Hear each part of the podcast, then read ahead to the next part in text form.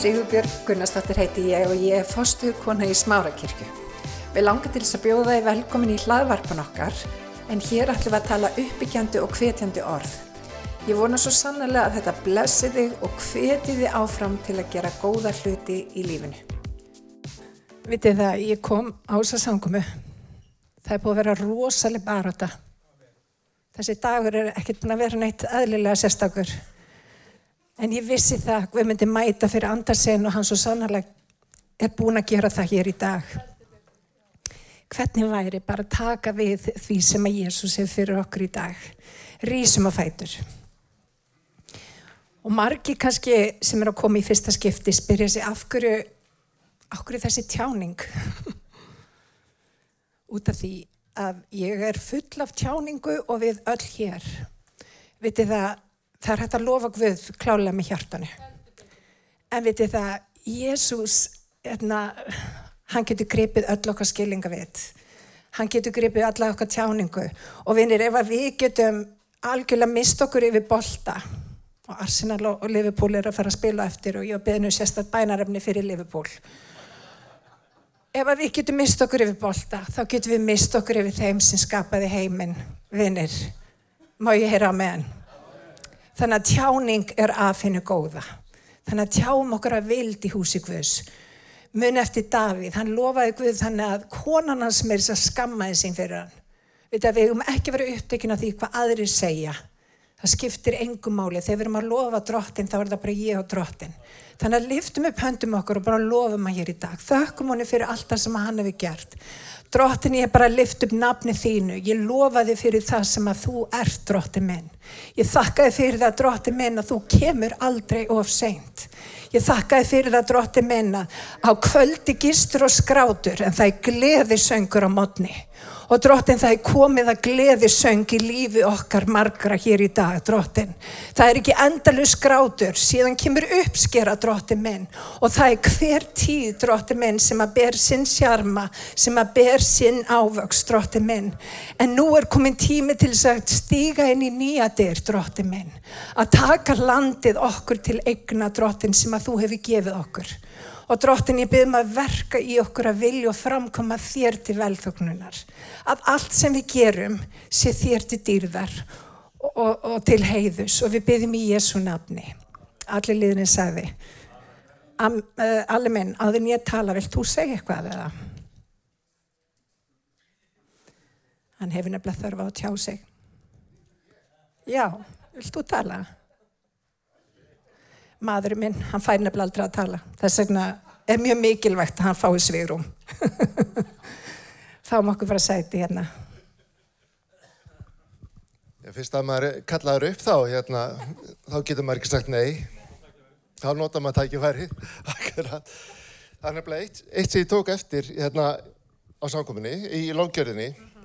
Það er þetta með að hafa eiru sem heyra og hérna, mér finnst aðeinslagt hvað allavega Guð er að gera í mínu lífi hvað þetta var þar að heyra hvað er að gerast Guð er, hvernig Guð er að tala til okkar í lofgjörðu öllu.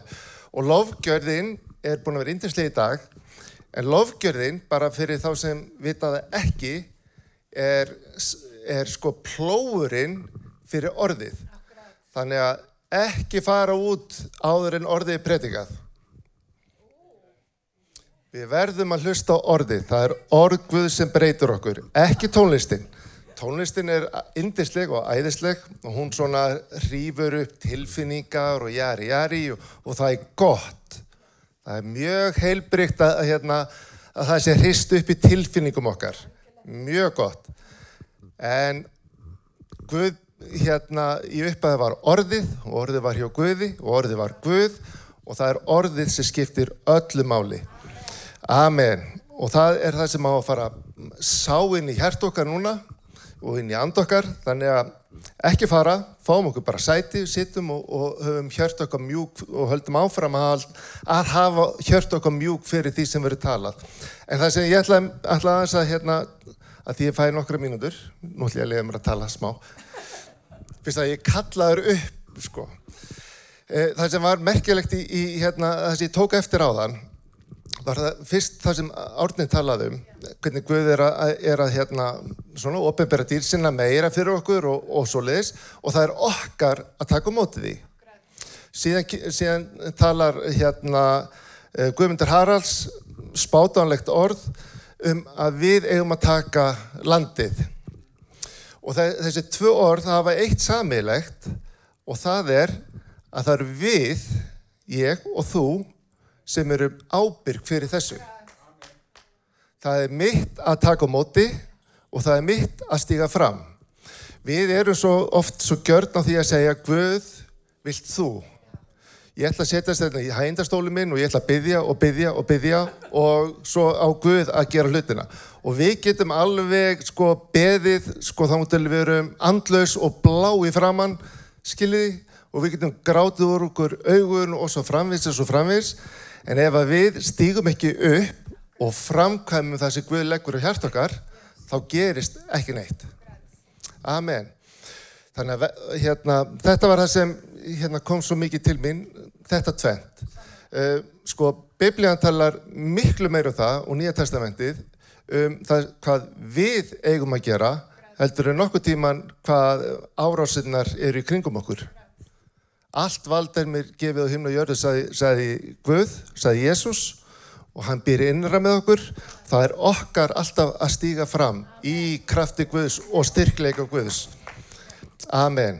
Þannig að verðstagsins dagsins er þér eru ljós heimsis, borg sem á fjallistendur og fær ekki dölist. Þannig að það er okkar að vera þessi, þetta ljós, vera vittnisspörður og staðisti vittnisspörður okkar í lífinu er hvernig við framkvæmum það sem við eigum í hjart okkar. Það er miklu sterkar vittnisspörður heldur en það sem við segjum. Amen. Amen. Þannig að ég vil bara hvetja ykkur og blessa ykkur og þetta er bara okkur svona aðeins að, aðeins að svona íta við okkur. Er allt í kærleika í Jésu nafni. Amen. Og þá skulum við bara byggja, já, byggjum bara. Rísum og fætur. Guð er svo sannarlega að starfa hér í dag. Takk Jésús. Ég þakka þér fyrir náð þín og miskunni, þakka þér fyrir trúfesti þína, ég þakka þér fyrir kjallega þín, misku þína, varveslu þína, vermd og blessun. Ég þakka þér fyrir að þú gengur hér mitt á meðal okkar og ert að mæta okkur og tala til okkar Jésús, fyrir þín heilaga anda Jésús. Þú segir þessi tveir að þrýru samakomnir þínum nafni þar ert þú mitt á meðal og ég þakka þér fyrir það drótti minn að þú ert að starfa fyrir anda þín Jésús. Ég byrja að smyrja varir hann sipið þú nú talar orðið. Þetta er orð sem þú er lagt á hjartina drótti minn. Ég byrja að smyrja hana og blessa hana og blessa útgöngu og ingöngu og allt sem hún tekur sér fyrir hendur Jésús. Og ég byrja fyrir sérkver sem er hér inni að gefa okkur þá auðmygt að taka móta orðið þínu Jésús. Orðið megi, halleluja, segja hjart okkar drótti minn. Halleluja, gefa okkur hérna eins og orðið er eins og lifandi vatn Jésús. Það, það sefja þost okkar og það sefja hungur okkar í Jésús. Dróttið minn, ég byrð þess að orðið með ég bera hundrafaldan ávist í Jésús. Og við förum ekki frá þér, dróttið minn, öðruvísi en að, að, að þú hefur mettað okkur af þér, heila í fadir. Þú blessar ingöngu, þú blessar okkur útgöngu og allt sem við tökum okkur fyrir hendur því að það er allt þér til dýrðar, veksamdar og heiðurs í Jésu heilaga nafni. Amen. Halleluja. Takk Jésús. Öflugur hann allir minn. Mér langar að halda áfram með efni sem ég byrjaði að tala um síðast þegar ég talaði og það er varandi nýtt uppað. Það er mikið búið að tala yfir landinu okkar að við stöndum frammi fyrir nýri tíð og margi spátumar sem hafa farið út bara í gegnum allan heiminn að við erum að fara að stíga inn í nýja, nýja tíma, uh, ný dyr sem eru að opnast og það er ekki nóg að sjá hann og opna, við verðum að stíga inn, ekki satt. Þannig að nýtt uppaf, þegar við skoðum reytningarnar, að þá þýðir nýtt uppaf eitthvað sem að við byrjar innan með okkur. Við erum oft svo mikið að byggja um vakningu, byggja Guð um hitt og þetta og Guð verkar, Guð okkar Guð, hinn sannig Guð, hann verkar innan frá og út. Hann verkar ekki fyrir utan okkur fyrst og síðan inn á við eins og í reyndar flestum öðrum trúabröðum. Að þá reynur að nálgast Guð með ákunni verkum og þú nálgast hann þannig. Jésu Kristur er ekki þannig. Jésu Kristur sagði, ég er vegurinn, sannleikur og lífið. Og ef þú tekur á móti mér, að þá myndu eiga líf, líf í fötri gnægð. Og ekki bara líf í þessu lífi, heldur í hennu komanda. Þannig að við erum frelsu fyrir blóðhans og fyrir það sem hann gerði á krossunum og ég heyra amen. Þannig að hann verkar innan frá og út. Og við fórum í gegnum það hvað er mikilvægt, vinnir, að við berum gott fram úr góðum sjóði hjartans. Því að við erum bæði líka með sál og andi. En við erum líka með hold, vinnir, og holdið stríðir gegn andanum, kennir reytningin. Þannig að við þurfum að vera meðvitu um það hverjum ætlum við að þjóna. Halleluja, má ég heyra amen. Takk Jésús. Þannig að mér langar bara til þess að, að setja upp myndina til þess að ég geti haldið aðeins áfram með það sem ég talaði um síðast.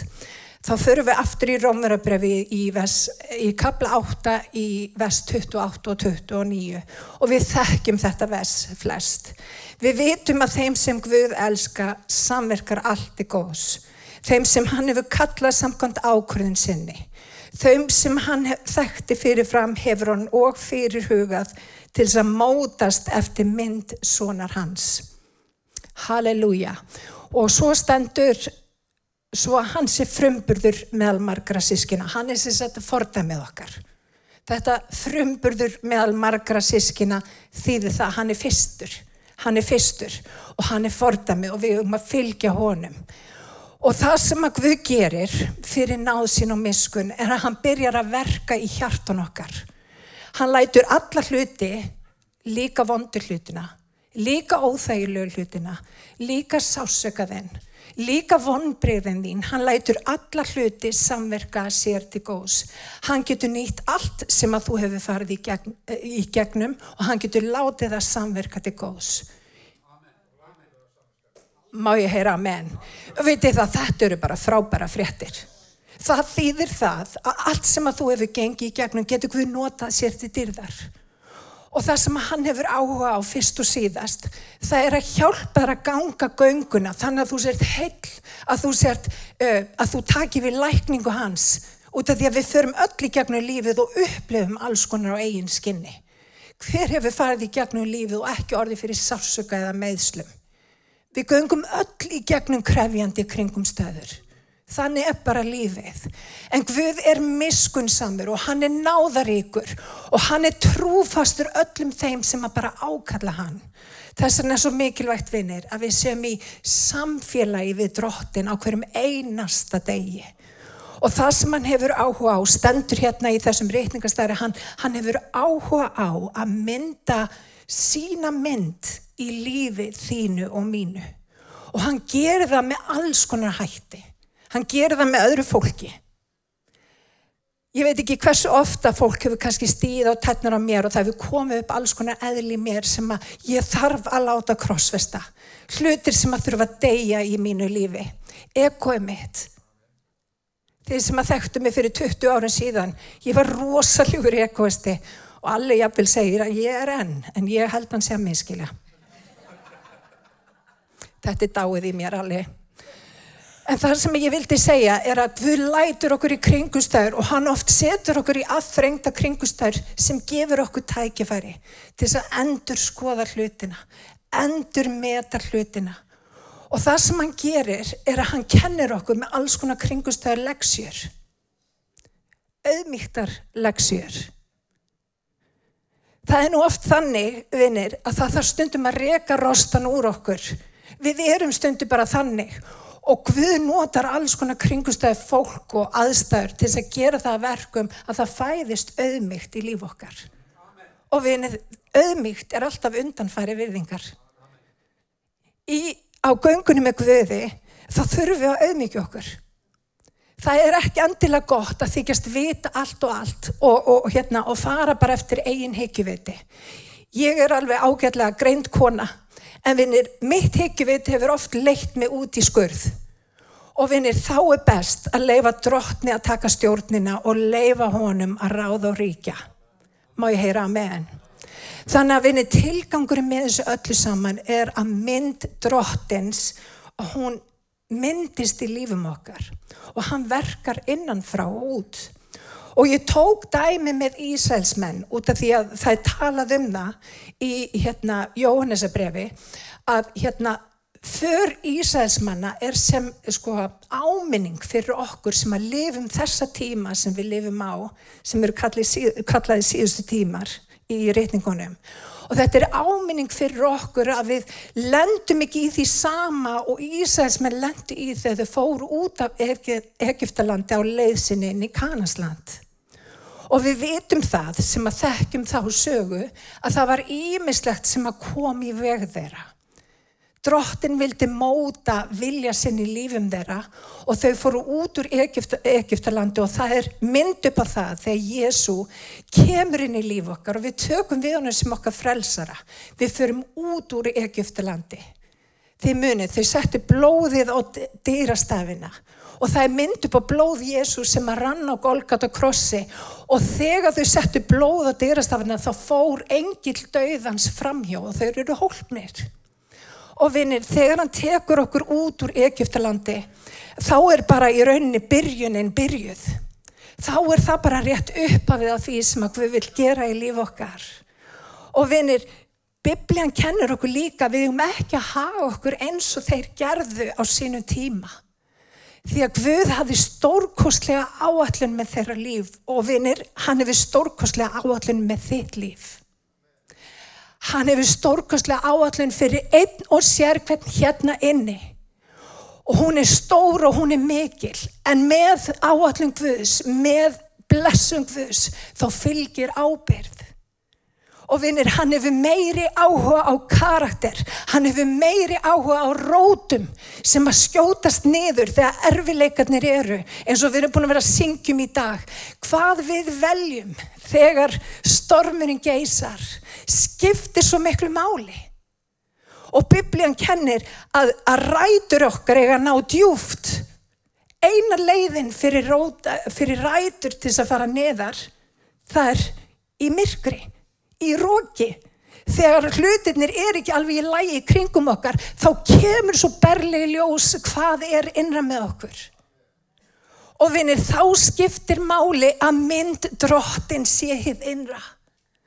Að við svörum ekki bara óvinninu með einhverju heldur að við séum með orgvið sem rítað á hjörtum okkar. Munið eftir þegar Jésu fór út í eigðimörkinu og óvinninu kom og freistað hans. Hann sagði rítað er og vinnir óvinnurinn, hann gengur um sem öskrandi ljón. Við kannski sjáum hann ekki sem ljón, það getur verið eitthvað annað, það getur verið hluti sem að halda okkur föstum í einhverjum kringustæði sem við eigum ekki að vera í. Og vinnir í dag, þegar við horfum hérna út, þegar við horfum bara á líf okkar, þá erum við öll fulla af einhverju, við erum að gera alls konar hluti sem að skipta í rauninni engum máli. Má ég herra með hann? Við erum svo upptekinn á símanum okkar. Er ég að íkja? Ég er nefnilega ekki að íkja, þess vegna er þetta svona fyndið. Við erum öll einhvern veginn á Facebook, við erum öll í gerfi samskiptum þegar Guð vil eiga samfélag við okkur og hann hvetur okkur til að stunda samkomur. Hann segir við okkur, vanrækið ekki sapnaða samkomur eins og sumraði segður. Af hverju því að það er eitthvað sem gerist þegar við erum öll saman komin. Gunnar segir eitthvað við mig og mér finnst það óþægilegt eða allt í hennu talar Gunn ekki við mig þennan daginn sem hún gerir alltaf, hún talar alltaf við mig, hún er opaslega yndislega, bara þannig að því sé haldið til haga. Eða þá að einhver uppörvar, einhver kvetur mann, Ég veit ekki hversu oft ég komið á samkom og ég hef eitthvað verið bara á eistu nöf, bara komin alveg út og enda sjálfur mér. Þá kemur einhver að uppörfa mig. Það kemur einhver að hvetur mig. Við eigum ekki að ganga gönguna einn, má ég heyra með henn. Við eigum að ganga hana saman og við eigum að ganga hana í kjallega og vinni maður brínir mann. Já, það er alveg rétt og kraftur heila sanda. Hann starfar á meðal okkar. Og við finnum það alveg, vinnir. Við finnum það þegar andin fer eitthvað neginn, það byrjar eitthvað að gerast á samkomi eins og gerðist hérna í lofkjörn áðan. Það allt í hennu breytist andrumsloftið. Og allt í hennu fara hlutir sem að voru erfiðir bara hérna fyrir samkomi, allt í hennu, já, já, er, þetta er ekkit mál. Guð með þetta. Þannig verkar Guð. Þannig að við þurfum að vera í hans liði, fylgja honum hvers sem að hann fer. Má ég heyra? Amen. Halleluja. Og bara til þess að þið áttu ykkur á, ég ætla að fara í hennar reikningstægi fyrir á konundubrefi í tíundakabla, allt þetta kom yfir þá sem fyrirbóði og þarna hefur við að tala um þessa för Ísraelsmanna. Hún er fyrirbóði og það er rita til viðverunum okkur sem endur aldan er komin yfir. Tilgangurinn og nýja byrjunin var fyrir heitnalandið. Guð gaf Móse mynd þegar hann horfi á brennandi burgnan og hann gaf honum mynd upp á það hvert hann vildi fara með þjóðu sína. Hann var búin að heyra ákallið. Hann var búin að heyra hróp hjarta þeirra. Þeir voru búin að vera í, í, í hérna, hvað er það kallað? Þeir voru þrælar. Vinnir. Þeir voru þrælar og búin að vera það í mörg hundru ár og drottin heyrði hróp hjarta þeirra. Og hann sendi Mósi, gaf honum mynd upp á það hvert hann átt að fara. Og hann gerði meir en það að hann opnaði líka leið fyrir hann. En Mósi, notabenni, vildi ekki einu sinni fara. Hann vildi ekki einu sinni fara því að hann uppliði eins og hann gæti það ekki. Hann sagði, Guð, af hverju ég? Ég er maður sem stama. Ég er maður sem að geti ekki einu sinni tjámið með eðlilegum hætti. En vitið það, Guð lítur ekki á okkar, þið vitið, skort á einhverju sem einhverja hindrun. Máttur Guðs fullkomnast í okkar veikleika. Þannig í dag, ef að þú upplifiði í veikleika, hafðu engar áhyggjur. Máttur drottins fullkomnast í okkar veikleika. Má ég heyra með henn? Og vinni, þetta er frábæra fréttir. Því ég veit ekki hversu oft á göngunum með Guði ég upplifi mig veika hann þarf ekkert á því að halda að ég sé alltaf sterk. Það sem að ég geri er að ég er sterk í honum. Allt megna ég fyrir hjálpan sem er styrkan gjörir. Halleluja, má ég heyra með henn. Allt megna ég fyrir hjálpan sem er styrkan gjörir. Í Jésu nafni, halleluja. Þannig að nýja byrjunin fyrir Ísæðismenn var Kanansland. Og við veitum það líka að Guð tekur aldrei neitt frá okkur samanber þegar hann tók þau út úr Egyptalandi nema til þess að þau myndi bera meiri ávöxt. Biblían kennir að hann snýðlar hann snýðlar viðnviðin til þess að hann beri meiri ávöxt. Og, og reikningin kennir að hann tók þau út úr Egyptalandi upp og inn í Kanansland. Þetta er líka megin regla í Guðsíkinu. Þegar hann kallaði út úr einhverju, einhverju sem, að, sem að er ekki að þjóna þig lengur, sem er vond fyrir þig, þá tekur hann ekki bara hluti úr lífið þínu, hann tekur þið upp og inn í eitthvað annað. Og þetta eru frábæra frétti líka. En oft á tíðum, þegar við erum að gangi gegnum eitthvað svona, að við erum að eiga við eitthvað í líf okkar, og eitthvað sem að var sem að við, hérna, okkur jafnvel þótti væntum, jafnvel einstaklingar sem að voru í líf okkar eða, eða kringustæði sem að, eða bara hlutir í líf okkar sem að við kannski heldum upp á og voru mikið að, að, að gera á einhverjum einu tímapunkti. Stundum er það þannig að við tekur hluti úr líf okkar. Má ég herra að menn? Þetta er ekki andilega þægilegt orð að tala, en þannig er það samt. Sumir vinnir eru kallaði til þess að komin í líf okkar aðeins í stutt á stund. Stundum er það þannig að við setjum fólk í líf okkar til þess að reyna okkur með einhverjum hætti. Til þess að sína fram á eitthvað í okkur eða eitthvað svoleiðis. Eða jábel að við sjáum hluti í viðkomandi sem við, okkur þykir ekki væntum að sjá. Og vinni, þetta eru óþægilega lífsreynslur. Þetta eru erfiða lífsreynslur. En þetta eru líka nöðsynlega lífsreynslur. Má ég heyra með henn?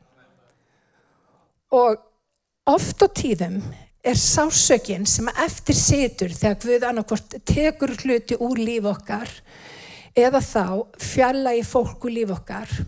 Sásökinn sem eftir situr getur ofta verið svo opbúslega sár og hann getur gert það verkum að við verðum upptökin af hlutnum sem að Guð er búin að taka frá okkur. Og þetta er það sem oft heldur fólki frá að stíga inn í kanasland. Og við sjáum það þegar við lesum frásögna um Ísæðismenn, þegar þau fóru út úr Egiptalandi og inn í Kannasland, að þá tók Guðau inn í Eðimörk. Og alltaf þegar eitthvað gerðist í líf þeirra, þegar einhverja aðstæður komu upp, þegar hitinn kom á, að þá kvörtuðu og kveinuðu og þau voru ósátt við að vera í Eðimörkinni. Þau söknuðu, Egiptalands.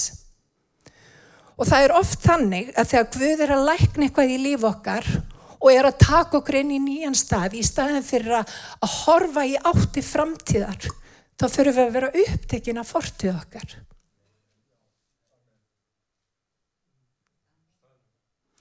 Við nefnilega stöðnum. Og vinni það er mjög mikilvægt að þegar við áttum okkur því að fá þessa ofinbyrjum frá drotni, að Guð tekur aldrei úr lífið þínu eitthvað hlut, eitthvað mannesku, eitthvað natbörð, nema til þess að þú berir meiri ávöxt. Og vinnir, til þess að höndla það nýja frá drotni sem hann hefur fyrir í dag, þá þarf það að vera tilbúin að sleppa tökunum á því gamla. Það sem að meira er, Þú þarft að leifa Guði að eiga við sárin sem að myndast í líkamannum, myndast í sálinni þinni eftir slíkan viðbörð. Og við erum að sjá jáfnvel kirkju fulla fólki sem er ennþá meitt og með sásöka frá, frá hlutum í fortíðinni. Og auðvitað er það þannig að sumt víkur ekki frá okkur. En annað, vinnið, er það sem við verðum að gera og það sem að biblían kennur okkur að gera það er að horfa til þess sem verður. Við eigum að gleima því sem að baki er og við eigum að seilast eftir því sem framöndin er. Og þetta seilast, það þýðir að tegja sig.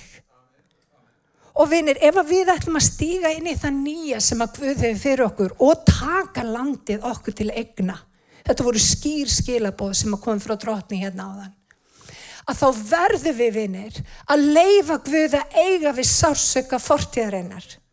Ef að þú gerir það ekki, þá verður bara gröftur í lífiðinu sem ger það verkum að alltaf þegar hitin kemur á, að það horfar tilbaka frá því sem Guð vil gera. Og vinnir með því móti, þá getur óvinnurinn haldi frá þér því allra besta sem að Guð hefur fyrir þig. Amen. Það eru lítil viðbröð hér í dag. Halleluja. Ég á bara ekki að vennjast þessu. Þetta er góð. Takk fyrir rannu minn. Halleluja. Halleluja. Takk Jésús. Allavega, höldum áfram. Þannig að vandin hjá Ísælsmönnum var ekki það að þau voru ekki að nálgast hérna, fyrir hérna landið Þau tók alltaf ranga ákvörðun þannig að afstæð hjarta þeirra var á raungum stað. Og vinni, þetta snýst um hjartalag. Þetta snýst um ástand hjartans. Gnæð hjartans af gnæð hjartans mælin munurinn.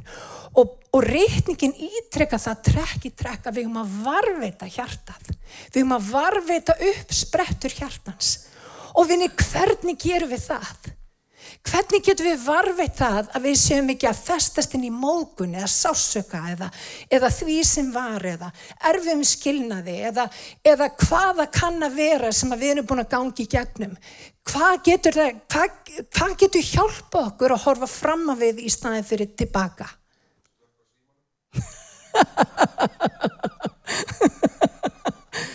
Já allir, til dæmis að slöka sína. Amen, halleluja, það á að vera gleði í húsi Guðs. Góður punktur, eiga samfélag við fólk. En veitir hvað hefur hjálpað mér, bara þannig ég fari bara aðeins inn á það. Stundum þegar mér líður svona og ég er í sársöku og í vonbriðum og öðru slíku, þá þarf ég að passa alveg sérstaklega hvað ég horfa á, hvað ég hlusta á, hvað ég er með í kringum mig. Okkar innri ringur skiptir máli. Og biblían kennir okkur að við eigum ekki að vera vinur allra, það er hreinlega til tjóns. Og við erum svo ómeðvitu stundum að við leifum fólki jafnvel að bara kasta upp yfir okkur, sinni óanægu, sínum vandamálum, sínum, þið vitið, og svo framvegis, og svo framvegis. Það sem að við þurfum að gera er að varveita hjartað okkar. Má ég heyra með hann? Og vinnum ég þrá að sjá kirkuna rýsa upp og vera alveg það sem hún á að vera.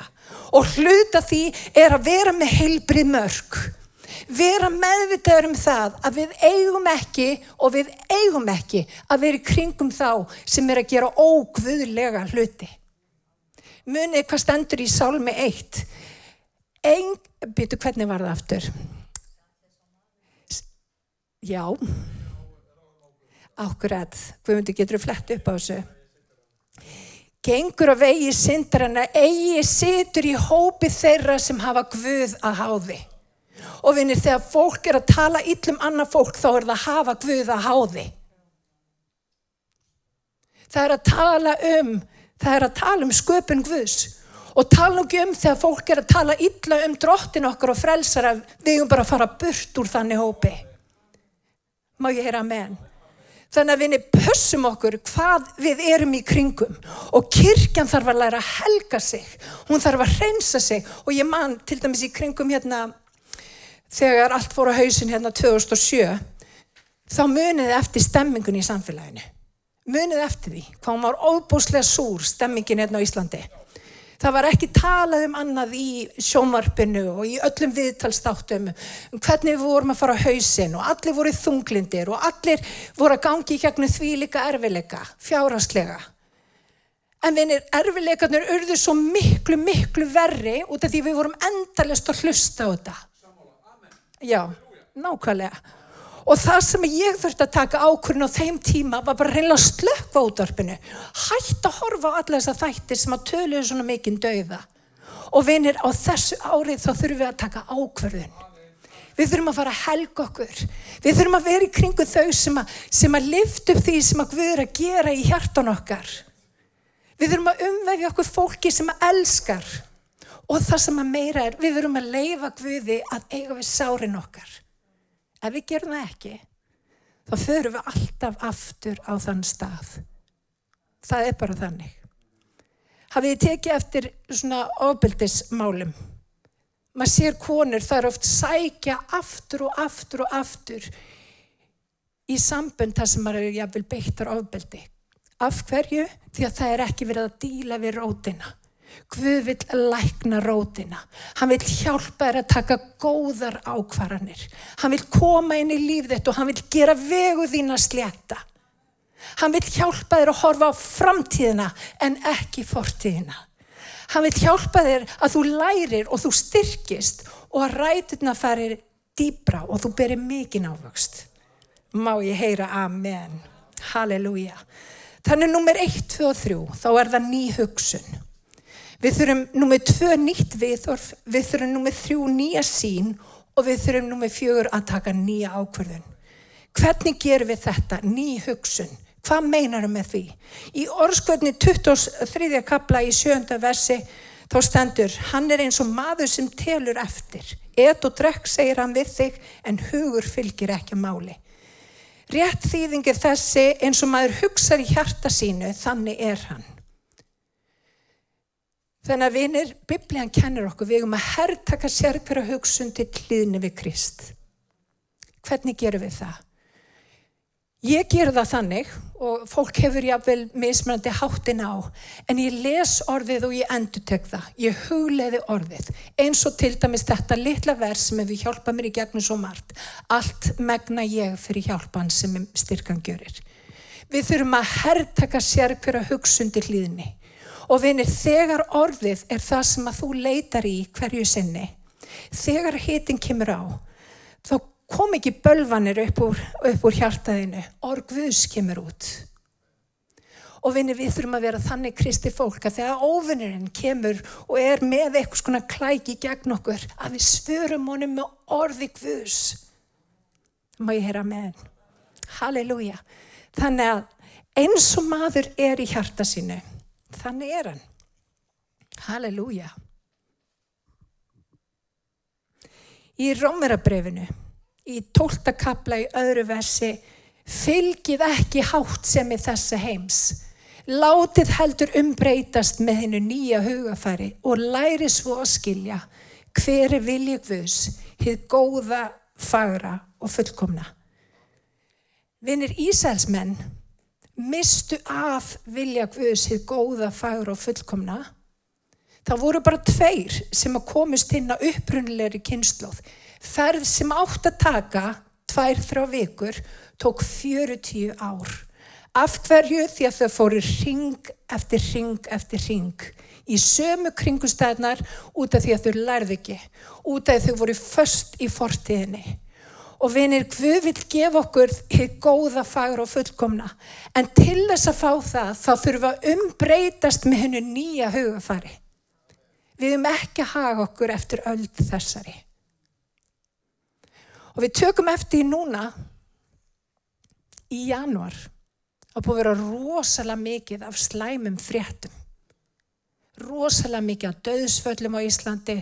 Það er eldgóðs, það er allt að gerast í Grindavík, það er ekki hægt að búa þarna og eðlilega hefur þetta áhrif af fólk. En vinir, við þurfum samt að vita innra með okkur að meir en sá sem er í okkur er heldur en sá sem að kemur gegn okkur